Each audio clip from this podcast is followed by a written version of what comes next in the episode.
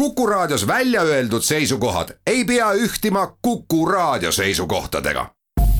Te kuulate Kuku Raadiot. publikumärk sinule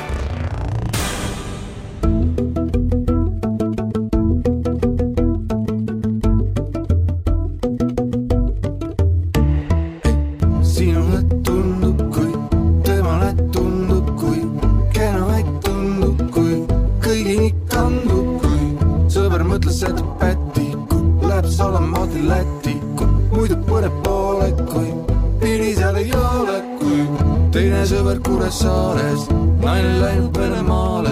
kellele ta andub, kui Saaremaa on lukku pandud, kui aga võiks vanamoodi näha üle mere moodi. Võta ratta Lätti, kui võta ratas lähme Lätti, kui aga Lätis, kui ei ole pidevalt emotsioone, kuhu mind on veetud, kui piiri pealt tõmban Leetu, kui Leedumaa pealt kannan vesi, kui ei voola, ei tule lähme Poola, kui Poolamaa on pandud, luku oli pandud ja piiragi on Poolas, kui tulge nüüd nad Poolast kõik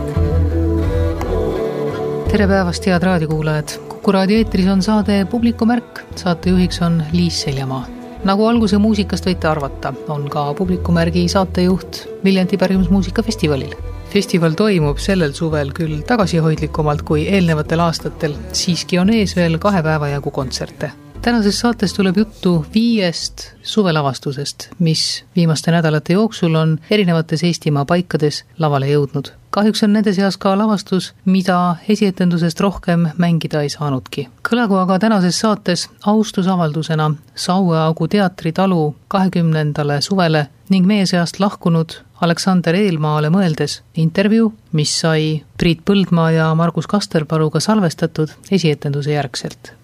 Võrumaal Navi külas Tamme talu küünis on võimalus sel suvel vaadata Iiri näitekirjaniku Samuel Becketi Godood oodates võrukeelset tõlgendust.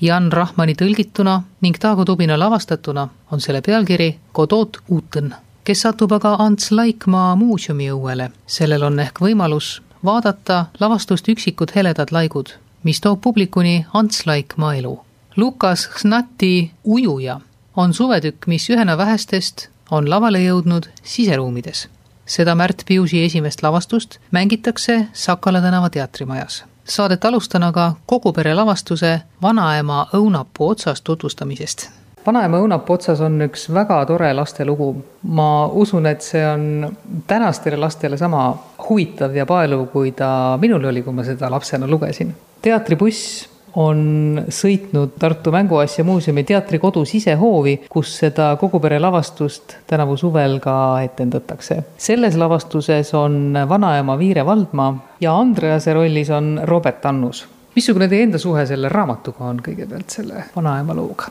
Mina olin kuulnud sellest raamatust ja näinud telelavastust, muidugi legendaarset, aga raamatut ennast ei olnud lugenud, nii et kui teatribuss selle pakkumise tegi, siis juba eelmisel suvel ma lugesin seda koos oma tütrega, kes on, ütleme, selle tegelaskuju vanune, keda mina praegu kehastan ja talle väga see teos meeldis ja minule ka. ja siis alles algas minu suhe selle looga ja siis muidugi ka tekkis sinna Urmas Lennuki dramatiseering sellest, mis on väga teatripärane ja tore. nii et ma usun, et need suhted on head. mina, kui mulle ettepanek tehti, siis mulle tundus, et ma olen lugenud, aga kui ma siis lugesin selle lennuki näitemängu, siis ma sain aru, et ma ei ole seda lugenud. nojah, aga see-eest on Viire Valdmar jällegi vanaema kogemus olemas. on jah, seitseteist aastat juba. kas vanaema võiks olla ka selline, kes puu otsas ronib? ja ikka võiks, miks ta ei võiks ronida, sest et tegelikult on paraku ju nii, et ega lapsedki enam ei taha puu otsa ronida et võib-olla nad vanaema järgi tulevad. no mina olen küll pigem jah, sihuke puu otsa ronija, ikka need ronimise, Otepää ronimise need atraktsioonid on seal ikka lastelastega läbi tehtud et ronima peab ja ujuma ja, ja, ja seiklema ja et ma olen ka seda tüüpi, natukene ma tunnen ennast ära. no siis, kui see raamat kirjutati, siis ilmselt oli puu otsa roniv vanaema ikka midagi natukene ekstreemsemat. stereotüüpselt äh, on vanaemad ikkagi sellised, kes tegelevad tubasemate tegevustega, rahulikumate tegevustega, liigutavad vardaid ja küpsetavad kooki. nojah, eks ma nende varraste ja kookide hoidistamisega tegelen ka ja kasvatan praegugi tomateid ja kurke ja kõike ja et seda vanaema on ka minus hästi palju, aga minul endal vanaema kogemused puuduvad väga aktiivsed minu vanaemad ei olnud, elasid kaugel ja siis ei olnud ka see suhtlemine väga tihe. meid ei viidud niimoodi väga hoida kuskile vanaemade juurde, nii et loomakogemus puudub, et eks ma arvan, et see on kuidagi ajas muutunud, noh, vanaemad olid ju siis kodus juba, hoidsid ja lapsed käisid koolis, siis vanaemad olid ju viiekümne aastaselt ikkagi pensionil. praegu on nagu see teine, et see vanaema peab igale poole jõudma ja mulle tundub, et mida rohkem sa teed, seda rohkem jõuadki minul arusaadavatel põhjustel endal vanaema olemise kogemust ei ole, aga see-eest on mul olemas küll väga sihuke soe lapse lapseks olemise kogemus ja minul vanaema oli just täpselt selline, nagu ta siin selles loos on. väga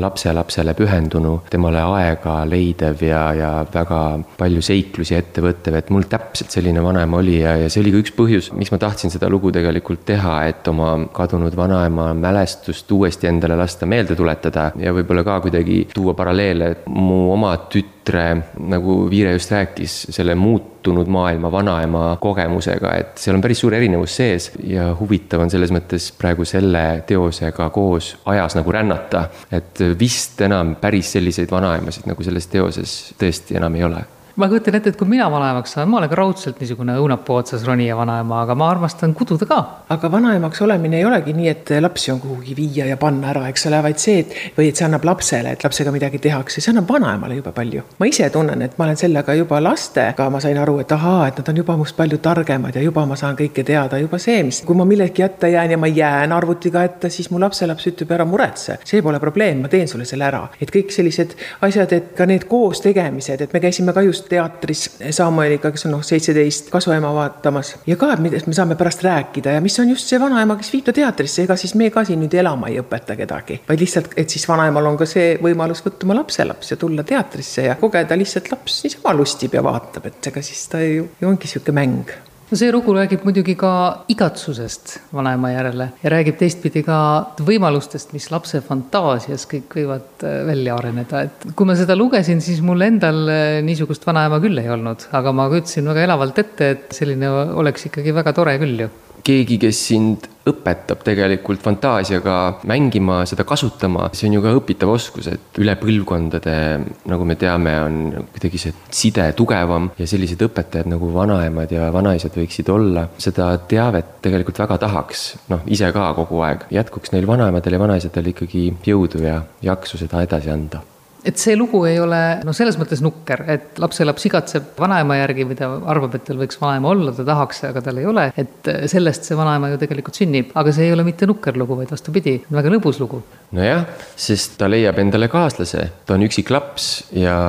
ta peab olude sunnil selle eh, õpetaja endale looma ja siis ta tulebki. nüüd on siis juba meie enda küsimus, et kuidas see niimoodi on võimalik, et vanaema tuleb, kas siis teispoolsusest või tuleb ta päriselt, et see on ka ju seal raamatus ja ka ma usun, meie tükis niimoodi lahtine ja seda parem see ongi. koos on ikkagi alati toredam ja tuleb ette võtta asju ja, ja sellest see raamat mu meelest räägib. Noh, lisaks lapselapse igatsusest räägib see ka lapse igatsusest selles konkreetses teatritükis küll ju. ja, ja mul on endalgi, kuna mul on väga lähedane niisugune kogemus või endal isiklik kogemus sellega, et läbi mul kahjuks väga raske haiguse, siis ma tean küll, mis tunne see on tegelikult, kui sa jätad kellegi endast ilma selle lapse kurbus on tegelikult või minu kujutlusvõime vähemalt on sinnani läinud, kui ma olen näinud ise, olles väga raskelt haige, et ja teadmata, mis saab edasi. see puudutus, kui on, siis ma isegi võitlen natuke sellega laval Urmas Lennuk on äh, toredasti põiminud sinna, eks ju, teisi olulisi lugusid ka sisse, vähemalt mõned repliigid, et ta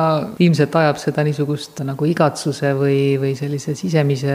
tähtsaks pidamise asja taga. Urmas on teinud sellest ikkagi oma loo ja teatud mõttes natukene võib-olla üksiku lapse niisugune klišee, ta on kurvameelne, kes otsib sellest väljapääsu läbi kõikide oma võimaluste, kõlab siit läbi küll, et ja siis ta just võtab kaasaegsed vahendid, on leidnud siis Urmas sinna, noh, me räpime ja, ja meil on püstolid mängus ja telefonid, telefonid, iPhone'id ja, ja ikkagi tükk aega me arutlesime ka, et kui tähtsad tänapäeval on iPhone'id ja telefonid kaasaegse lapse jaoks ja oli ka väga erinevaid arvamusi ja selle kaudu me loodamegi, et need lapsed ka seda lugu ja, ja seda suhet vanaema ja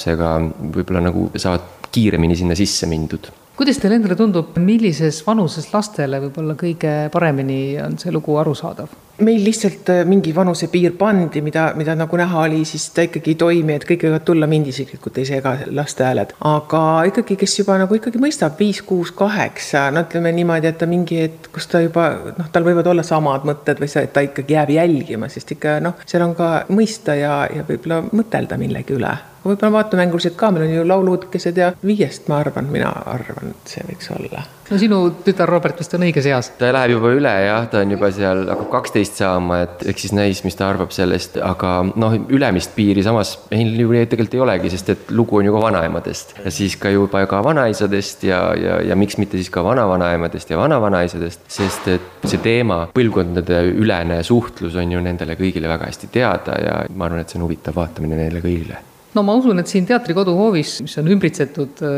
nagu niisugustest mängumajadest või majadest, kus mängitakse, et see on nagu täitsa õige koht sellise tüki tegemiseks. jaa, väga õige paik on küll, loodus on küll meile sättinud väga rasked tingimused siin umbses katlas, aga on juba sisse mängitud paik, siin on enne teatrit tehtud ja et minu arust on tore koht ja õunapuu on ka ju täpselt olemas ka, nii et see on. ma just tahtsin öelda, et, et selles hoovis on üks puu täpselt meile sobiv õiges kohas, mille ümber see tükk hargneb, et äh, oleme ka väga tänulikud sellele puule. publikumärk tegelikult ongi päris keeruline alustada intervjuud äh, lavastusest, mille pealkiri on Ujuja. pealkirja järgi arvates võib ka vaataja, kes kaalub teatrisse tulemist mõelda, et no uju ja see räägib ju mingisugusest sportlasest ja mingisugusest spordist, et kuidas sellest saab ometigi nüüd huvitavat äh, lavastust teha. aga tuleb välja, et saab ja selle lavastajaks on Märt Pius, laval on Tõnis Niinemets, Uku Uusberg, Steffi Pähn ja Alo Kõrve. Aga Märt, kuidas see lugu üleüldse jõudis selle trupi juurde? see jõudis niimoodi, et ma sattusin vaatama Draamateatris ühte teist Lukas Neithi näitemängu Nukumaja kaks ja mulle see tekst ja lavastus väga meeldis. hakkasin vaatama, et mis see Neith veel on teinud ja siis ma lugesin neid näitemänge ja siis see Red Speedo on siis ta inglise keeles, ujuja, jäi mulle kuidagi eriliselt silma. siis ta istus natukene aega sahtlis, siis lugesin veel mõned korrad läbi, siis kuidagi niimoodi vaikselt hakkas ta endal nagu peas pinisema. kuna ma olen ikkagi näitleja siis ma loen seda näitlejana seeläbi siis, et millist rolli või keda ma ise tahaksin seal mängida. aga selle asja puhul kuidagi tekkiski jah, selline tunne, et ma tahaks neid kõiki mängida. ja siis kuidagi tuli jah, selline julgus või otsus, et aga võiks proovida seda lavastada, sellepärast et muidu äkki on keegi samamoodi istub kuskil kodus ja, ja loeb seda ja mõtleb, et äkki teeb ise ära, nii et jõudsin ette kellestki no Red Speedo muidugi inglisekeelne pealkiri annab tõlgendamiseks palju rohkem igasuguseid võimalusi, et eestikeelne pealkiri nagu hästi seda ülevaadet ei anna. Eestikeelne pealkiri jah, kui ta oleks otsetõlge, et punane Speedo, eks ole, et siis ta on ikkagi mõeldud sellesamase konkreetse firmana, aga Ameerikas on ka lihtsalt Speedo teatud ujumispüksi tüüp. tõepoolest eesti keeles ta ei kõla kuidagimoodi, küll aga minu meelest me jõudsimegi lõpuks Paavoga ühisele arvamusele, et sõna ujuja on ka väga mitmetähenduslik ja sobib selle tüki pealkirjaks imehästi tegelikult see lugu räägib perekondlikest suhetest või venna armastusest, vendade suhetest just, järelikult jõudis ilusti sisse kohale, mis seal sees tegelikult on. vendade armastusest see räägib ja see on ka selline lähedane teema minu enda jaoks, kuna mul on endal ka palju vendi ja Ukul on vend, Uku Uusbergil siis, Tõnisel on vend, et kõik on selle venna teemaga vägagi kursis. ja mulle meeldis see, et kui tavaliselt on lava peal suhted inimeste vahel, kes on kuidagi üksteise suhtes natukene, kuidas ma ütlen siis, sellised hoitud ja teisi arvestavad, et siis need, kes on vendadega koos kasvanud, need võib-olla teavad, et vennad on omavahel küll väga armastavad üksteist, aga nad räägivad väga ausalt, toorelt, ilma solvumisteta ja see mulle väga meeldis, et selles näitemängus oli see kõik sees. No samas vendade vahel esineb niisugust rivaliteeti ka, seda siin otseselt ei ole võib-olla siis sellist jah, ütleme spordi mõttes siin ei ole, aga nii palju mulle tundub, mis vendade vahel on pigem see, et või üldse inimeste vahel, võib-olla siis meesterahvaste vahel rohkem on see, et tahetakse olla edukas või ambitsioonikas ja see ambitsioon iseenesest on juba võib-olla selline rivaliteet, et kui üks vend on mingis vallas ambitsioonikas ja, ja edukas, et siis teine vend tahab olla ka kuidagi võib-olla suurem ja rohkem. näitlejatest rääkides, siis Tõnis Niinemets on väga heas niisuguses ujuja vormis, lisaks sellele, et ta on ka heas näitleja vormis. ja siis võib öelda veel seda, et äh, Uku Uusberg on heas advokaadi vormis ja Alo Kõrve on heas treeneri vormis.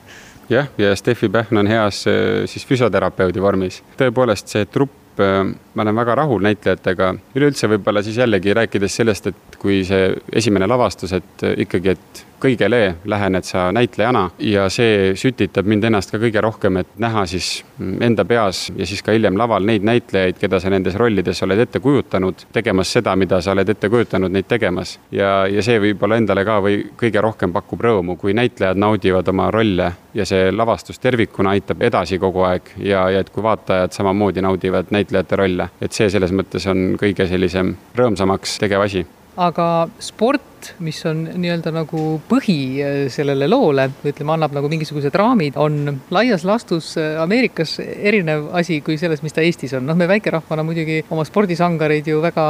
toetame, aga Ameerikas sport minu meelest on ikka umbes nagu religioon lausa või? mina ise ei ole ka nii suur spordisõber, aga mulle tegelikult tundub, et ta on ikkagi universaalne, et Eestis on ka ta ikkagi religioon paljuski. nii palju, kui ma olen aru saanud, siis ju istutaksegi, võetakse puhkus eraldi selle jaoks, et istuda diivani peal, eks ole, vaadata siis näiteks MM-i või ma ei tea, siis olümpiat või mida iganes, eks ole, et selles mõttes mulle tundub, et sellesse suhtutakse väga kirglikult ja, ja samamoodi ju suhtutakse väga kirglikult sellesse, kui keegi selle nii-öelda siis nagu sa ütlesid, meie spordisangaritest on siis meid riigina reetnud. me saame teada, et nad on patustanud millegagi. selles mõttes mulle tundub, et see teema läheb inimestele väga-väga korda ja mulle just tundub, et see doping iseenesest ei ole nüüd see kõige suurem patt, vaid patt on see, kui jäädakse vahele, et siis kaotatakse inimesena selline väärikus ja ausus ja aetakse lõpuni välja seda juttu, et, et mina pole mitte midagi teinud ja üritatakse siis advokaatide abiga tõestada seda, et tõepoolest ma pole mitte midagi teinud, aga see on isegi tavaelus nii jaburas astmes, et ega see selles näitemängus või, või lavastuses ei ole minu meelest kuidagi rohkem üle paisutatud. kas ta on ju ütleme, pandud sellisesse teatrivormi või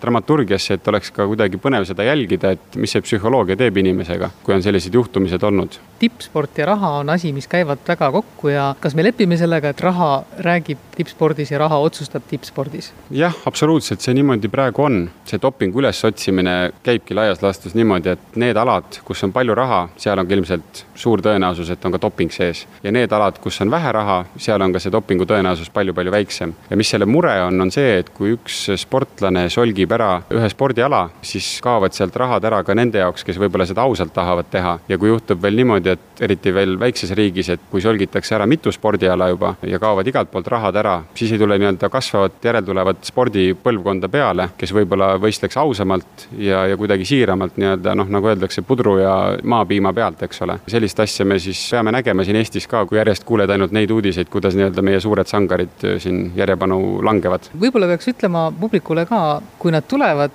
siia saali, see on natukene nagu astumine ujulasse ka, ütleme alates sellest hetkest, kui uksest sisse tuled, siis sa saad aru, ah, soo, ongi ujula. aa, see on väga tore, et te ütlete niimoodi, et seda, ma saan aru, siis kloorilõhnale viitate jah, et seda oli tunda. mina enam ise seda ei tunne, sellepärast ma mõtlesingi, et kas seda üleüldse vaja on. aga kui niimoodi täitsa tuntavalt jah, siis tõepoolest oleme üritanud tekitada sellise illusiooni siis helide ja, ja lõhnade näol, et oled sattunud jah, tõepoolest ujulasse. no temperatuuri näol ka ja muidugi ma mõtlesin selle peale ka, et kui on olemas liftimuusika, et huvitav, kas on olemas ujulamuusika ka? Ujulamuusika on täitsa olemas ja tegelikult seda oli ka kuulda siin lavastuses. liiga palju reetmata, kes ei ole näinud, et siis vees ju saab igasuguseid hääli teha nii vee peal, vee all, et vesi ise teeb nii palju häält ja sellest me kuidagi siis selle heliloomingu puhul siin ka lähtusime no ma usun, et need, kes ise basseinides äh, ujumas käivad, neil on selline tore äratundmine. kas selle lavastuse väljatoomine oli teil ka plaanis kohe algusest peale niimoodi siin juuli lõpus, augusti alguses? jaa, need kuupäevad said paika pandud juba eelmisel aastal umbes samal ajal, siis kui me esimese lugemise tegime trupiga, siis me panime need kuupäevad paika ja need äh, meie õnneks jah, muutunud ei ole kõik tingis selle, et kuna on teiste teatrite näitlejad, kes siin mängivad, et siis kõik see omavahel kuidagi kokku sobitada, et siis tundus jah, et see suvi, juuli ja august on kõige mõttekam, kus seda siis paigutada. pärast tagantjärgi vaatasime ka, et ju tegelikult on kohe-kohe Tokyo olümpia algamas, et maailm nagu reklaamis seda sinna vahepeale väga hästi kuidagi, jah. publikumärk Ants Laikmaa muuseumi õuel esietendus Ants Laikmaa elu kajastav näitemäng pealkirjaga Üksikud heledad laigud ja see on nüüd teatriühenduse oma lavaproduktsioon. autor ja lavastaja on Erki Aule ja laval on Indrek Ojari, Külli Reinumägi, Raimo Pass ning Kristjan Lüüs. Külli Reinumägi ühtlasi on ka teatriühenduse oma lavaprodutsent. räägime kõigepealt sellest lavastusest ja sellest näitemängust, et kuidas kogu see asi sinna Ants Laikmaa muuseumi õuele üldse jõudis? tegelikult ta jõudiski sellepärast, et ma sattusin sinna ja vaatasin, et Eesti üks ilusamaid majamuuseume ja Eesti ühest põnevama elulooga kunstnikust ei ole ka ühtegi sellist täismõõdus näitemängu olnud, Laikmaa on ju teatavasti nii mõneski näidendist kuidagi läbi jooksnud, aga aga siis ma mõtlesin, et see koht lausa nõuab lavastust temast. Ja kuidagi sattus nii, et olles lugenud erinevaid teoseid, mis teda ja tema elulugu puudutab, siis ma vaatasin, et ainuõige oleks mul endal see lugu kokku panna, et siis saaks täpselt sellise lavastuse, nagu ma tahaks. ja kuidas siis liitus Oma lava? ega see Oma lava tegemine ongi niimoodi, et see on elamine, tundlad kogu aeg avali, et mis maailmas toimub ja millised materjalid liiguvad ja siis, kui Erki kaks aastat tagasi tõi mingit midagi, ta tõi, igal juhul ta seisis mu esikus ja ütles, et tal on plaanis kirjutada näidend Ants Laikmaast ja seda seal Majamuuseumi õuel mängida, siis siis jäi nagu midagi kõrva ja siis nüüd kaks aastat hiljem, kui ta märtsis mulle seda lugeda andis, siis äratundmine oli selles mõttes kohene, et seda tuleb teha ja seda peaks tegema juba sel suvel. Ma ise olen ka tegelikult imestanud, et Ants Laikmaa, kes võiks olla selline hea värvikas persoon, ei ole inspireerinud siiani väga teatritegijaid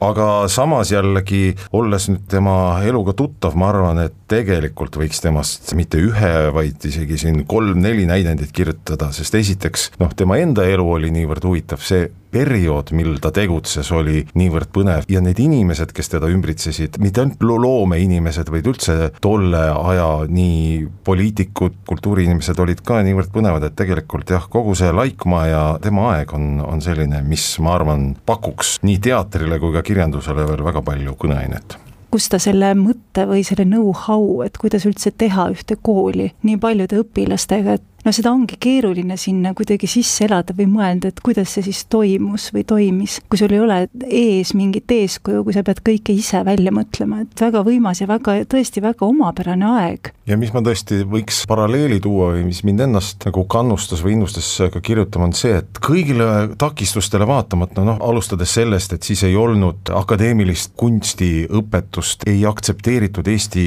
nimega kunstnik üldse, kogu see kunsti tegemine oli tol ajal see selline lapse kingades ja rääkimata seal kunsti retseptsioonist või kriitikast. Ja sellele vaatamata leidus inimesi, kunstnikke, kirjanikke, muusikuid, kes selle loominguga tegelesid, noh praegu meil ütleme ka, pandeemiaga seoses tekib mingi periood, kus kõik hindavad üle, et kas üldse ongi mõtet kunsti teha, kui ma ei saa seda teha. Ja ka võib-olla paljud loobuvad või astuvad tagasi, aga tol ajal oli neid takistusi alates vaesusest, suhtumisest, lõpetades maailmasõdadega niivõrd palju ja sellele vaatamata tegeleti loominguga ja sellele vaatamata kahtlemata tegeleti loominguga nii, et me veel aastasadu hiljemgi selle üle uhkust tunneme. see on ka näide sellest, kuidasmoodi inimene, kellel ikka tõesti väga-väga on vaja mingit asja teha, leiab ikka mingisuguse võimaluse, noh kas või see näide, meil ikka räägitakse, kuidas Kristjan Jaak Peterson, eks ole, jala Riiast Tartusse kõndis, Ants Laikmaa kõndis Düsseldorfi, et sinna õppima minna jaa, juba see näitab noh, esiteks tõesti, milline tugev vajadus ja teiseks ka see näitab ka tema iseloomu või tema jonnakust või, või põhimõttelisust, et me kõik mõtleme, et sõida ruttu sinna, hakka õppima, ei, tal on vaja minna jala, et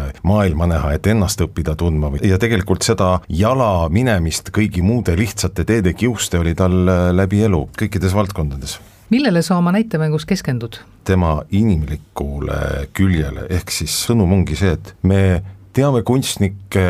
üldse loojaid nende teoste järgi, aga tihtipeale me unustame ära, et nende teoste taga on täpselt samasugused inimesed äh, nagu me kõik, oma nõrkustega, oma kahtlustega ja oma raskustega, et äh, ma tahtsingi vaadata tegelikult sinna pilti teha, et missugune siis on see geeniuse portree, et loomulikult see on väga, väga keeruline ja, ja väga mitmepalgeline, aga ma just tahtsin tuua teda kui sellist äh, suurt iidolit natuke inimestele lähemale ja näidata, et mitte miski inimlik ei ole ka ka väga geniaalsetele inimestele võõras. Aga paraku selle aja kunstnikke iseloomustas see, noh, mis on toodud selle lavastuse juures ka välja, et Ants Laikmaa kirevat elu jääb igaveseks varjutama saladuste loor ja surres on nad tunnustatud, lugupeetud ja üksikud. Lõpuks elab ikka iga inimene ise oma elu, et see, kuidas sa seda elad, olenemata sellest ju, kas sa oled kunstnik või majandusinimene või ärimees, et elu on ikka seesama. jah, see ongi see paradoks, et sa võid lõuendil või, või paberil või noodipaberil täpselt komponeerida ja sa tead, kuidas mingi asi lõpeb ja kus on kulminatsioon ja aga oma elu ei saa ka parimad kunstnikud ja skulptorid lavastada nii, nagu nad tahavad, see ikkagi sõltub väga paljudest asjaoludest, kus isegi geeniuse pintsel ei suuda seda kujundada no võib-olla paljud inimesed ei tea, kus see Ants Laikmaa muuseum üldse asub, Lääne-Nigula vallas Kadarpiku külas ja, ja tänu teatrilavastustele ma loodan, jõuab ka rohkem inimesi sinna, sest et ühest küljest on ju väga tore mängida ilusate dekoratsioonide vahel, aga teisest küljest on võrratult meeldiv mängida seal, kus sa tead, et tõesti Ants Laikmaa jalg astus siin, noh veel tema majamuuseumi puhul me teame, et ta on ka maetud paarsada meetrit eemale sellest kohast, kus me mängime, et kõik see annab kogu sellele lavastusele hoopis teise mõõtme ja atmosfääri. ja see on hästi oluline, et see on tema kodu kui Indrek Ojari laikmaana seal mässas, siis, siis mul viirastus küll see hetk, et mõtle, kui huvitav, et ta ikkagi päriselt käis ja oli siin. küll mitte võib-olla nende inimestega, kes meil näidendis on, aga see on tema kodu ja seal on tema mingisugune vaim on ikkagi kohal. jah, et meil lisaks publiku ees olevale vastutusele, meil on ka vastutus konkreetselt Laikmaa ees, et me ei saa tema koduhoovis teha midagi sellist, mille peale tema tõuseks püsti ja ütleks, et kuulge äh,, aitab absoluutselt ja kõigi nende inimeste ees tegelikult, et nad on ju päriselt elanud, et kui mõelda, et noh, see ei ole niisama. no selle perioodi jooksul ei ole nagu äh, vana Laikmaa ise mingisugust meelsust nii-öelda nagu halba meelsust avaldanud ja tulnud koputama teile. mul näed, mul on äh, põse peal kriim, et esietenduse päeval jooksin seal ühest tema istutatud kadakast mööda, nii et see tõmbas mulle kriimu peale, mõtlesin huvitav, kas ta nüüd andis mulle märku, et väga hea, jääb sulle nüüd elu lõpuni märk äh, põse peale või siis vastupidi, ma ei ole rahul, eks siis näeb.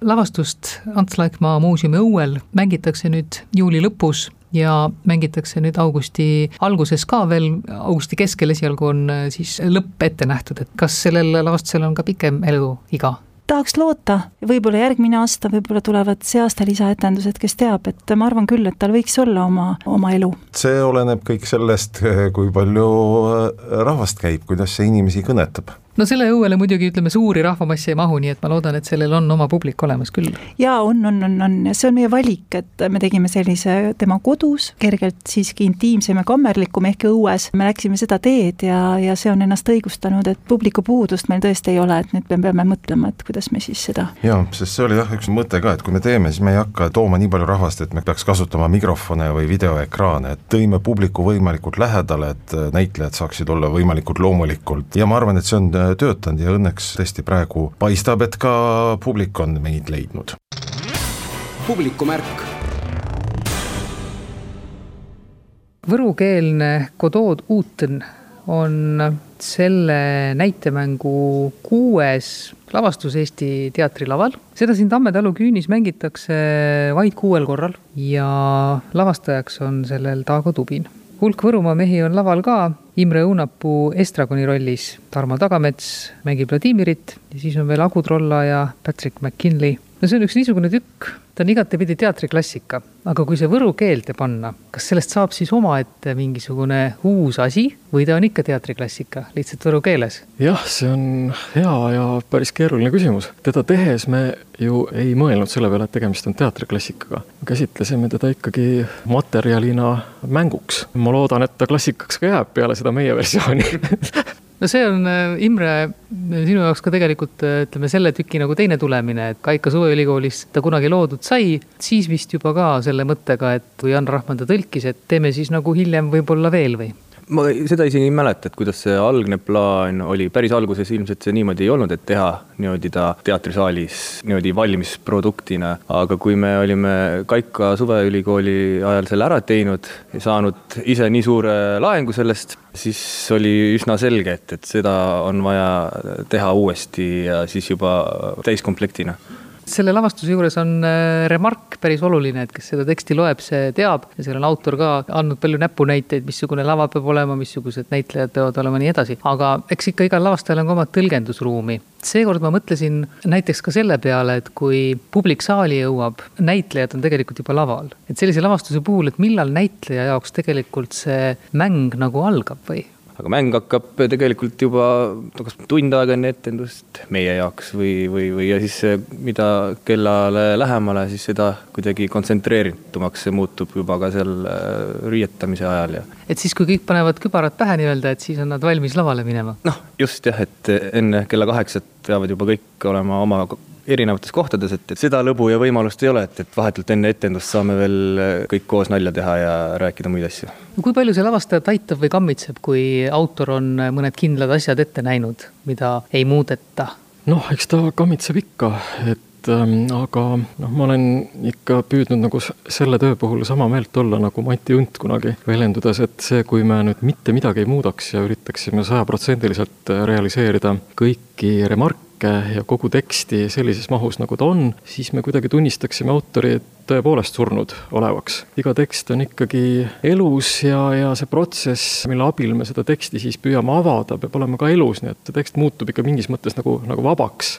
aga hoolimata sellest tuleb jääda selle juurde või kaevata välja võimalikult tugevalt selle teksti kvintessents. ma loodan, et me sellele oleme ikkagi näpud taha saanud. seda võib ka tõlgendada ühte ja teistmoodi, aga mulle meeldib see, mis on kavalehel, sina vist kirjutasid selle, et kuidas me muidu suudaksime tõusta igal hommikul, lüüa päev läbi aega surnuks ja minna õhtul magama ilma teadmiseta, et meie lootused ja unistused ka kunagi veel täituvad nojah, nii see on, et et ähm, eks seda teksti on ju väga paljus nähtud ka sellise ülimalt sünkija ja, ja sellise lootusetuna ja sügavalt pessimistlikuna. aga mulle tundub, et siin on selle kõige juures ikkagi väga palju rõõmu ja, ja just nimelt lootust, et ma ei tea jah, ei oska nüüd öelda, kuidas nüüd see publiku vastuvõtus peegeldub, et kas, kas siit jääb see õhku, aga vähemasti oleme me püüdnud selliselt mõelda no ma võiks publiku seisukohast öelda küll, et sisse jäi ikka pigem nagu niisugune hea tunne, et see ei ole mitte mingisugune ahhaa lustimäng, aga ei ole ka mitte midagi sünget seal. kuigi noh, kui me seda niimoodi nagu tõlgendame päris tänapäevaste sündmuste valguses, et siis võib-olla inimesed tõusevadki hommikul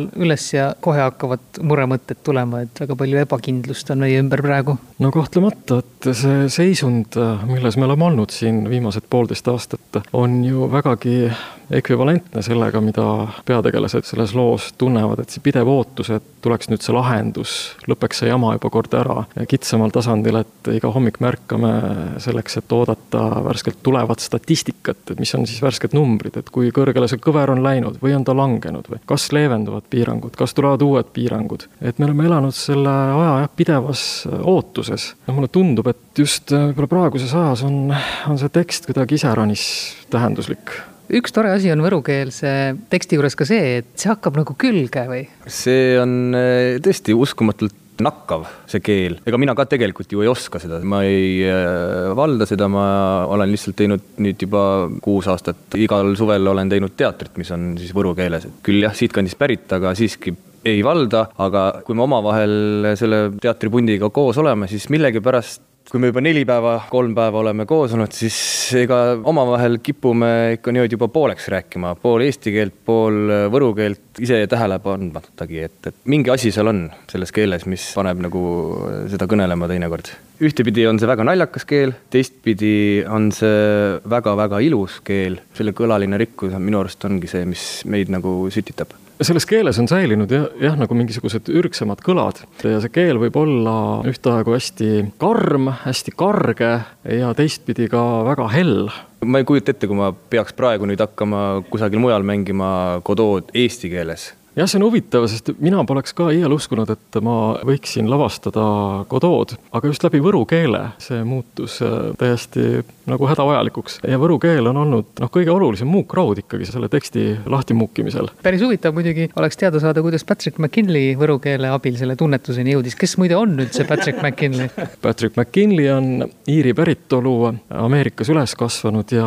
Londonis Clowni koolis õppinud Iiri päritolu ameeriklane tegelikult jah, aga viimased kümme aastat on ta juba Eestis elanud ja tema on, on siis professioonilt helikunstnik. kui sa nüüd viitad siin sellele Laki rolli prantsuskeelsele lahendusele, siis see tundus jah, selline noh, huvitav mõte iseenesest, et kõrvutada võru keelt sellise suurrahva kultuurkeelega. ja kuna Patrick jah, seda prantsuse keelt ka vapralt valdas ja teine põhjus oli see, et originaalis ju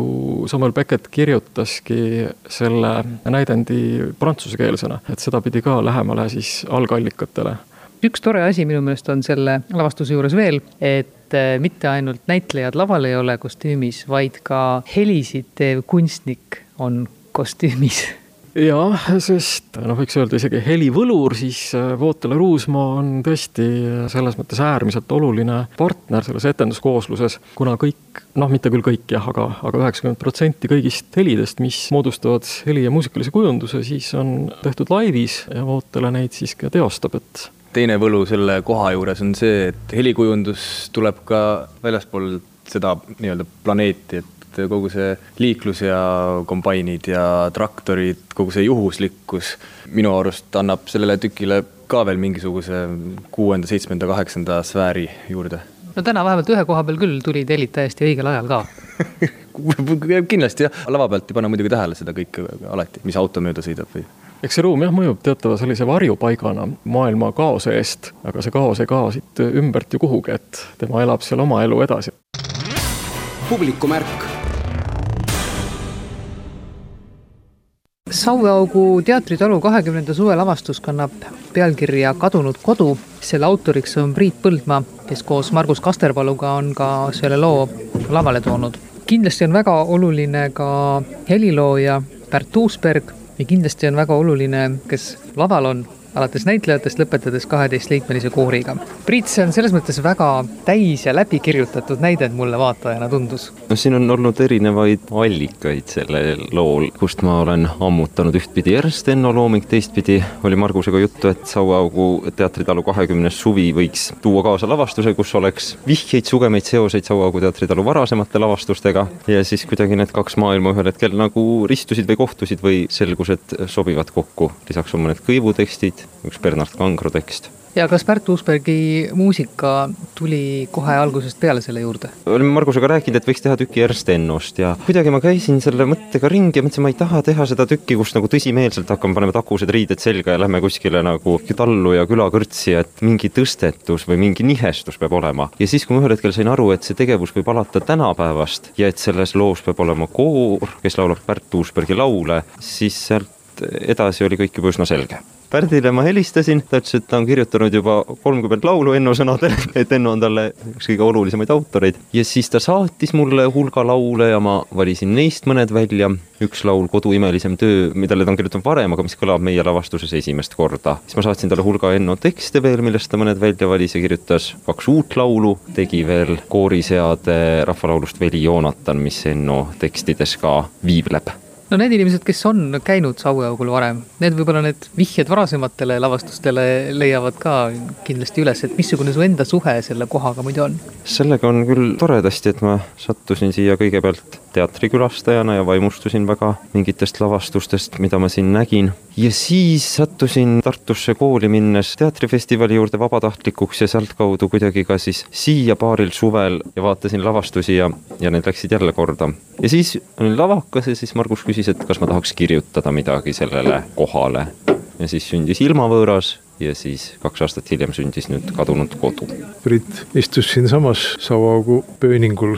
ja, ja kirjutas seda ühel talvel ja, ja mina tegin siin muid toimetusi ja siis ma neid esimesi lehekülgigi juba nägin ja see täpselt võlubki, et see kadunud kodu kui teema või, või meil kõigil on kadunud koduga mingi teema. mingil kombel on ta meile tuttav, ta on kas puudu või mingi osa temast on puudu, on ta unistustes, on jäänud lapsepõlve, on ta päriselt sattunud võõraste kätte nagu Saare vanal või, või mõnel muul tegelasel, et see on nii, nii meie tüüpiline ja noh, ma olen siin ka kõige selle kahekümne aasta jooksul mõelnud ja otsinud neid tekste, millel selle paiga vaimuga siin oleks mingisugune kahekõne võime, võimalus või valmisolek loomuldasa olemas. Ja see, et Priit oskas siia sobitada juba isegi Uku Masingust kõneleva või tema ainetel kirjutatud ilmavõõra, siis Ernst Enno ikkagi suurema osa ajast siin Läänemaal elanud mehena tundus olevat siia jõudes ikka päris kodus. nii et Elin Toona, kes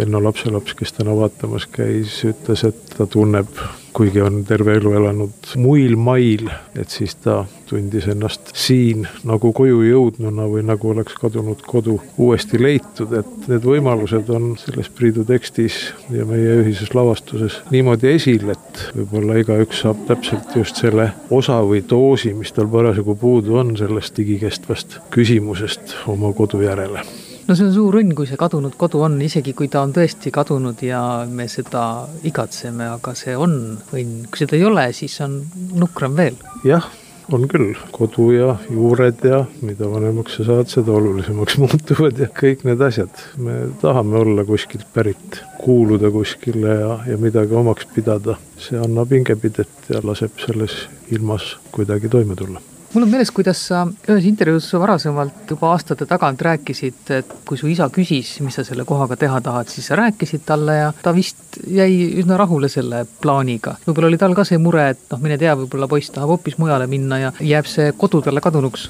jah, ega ta tõesti alguses arvas, et ma teen lolli nalja, aga siis, kui ta siit ilmast ikka päriselt läks, siis me olime ikka kokku leppinud, et ma võin proovida ja oluline on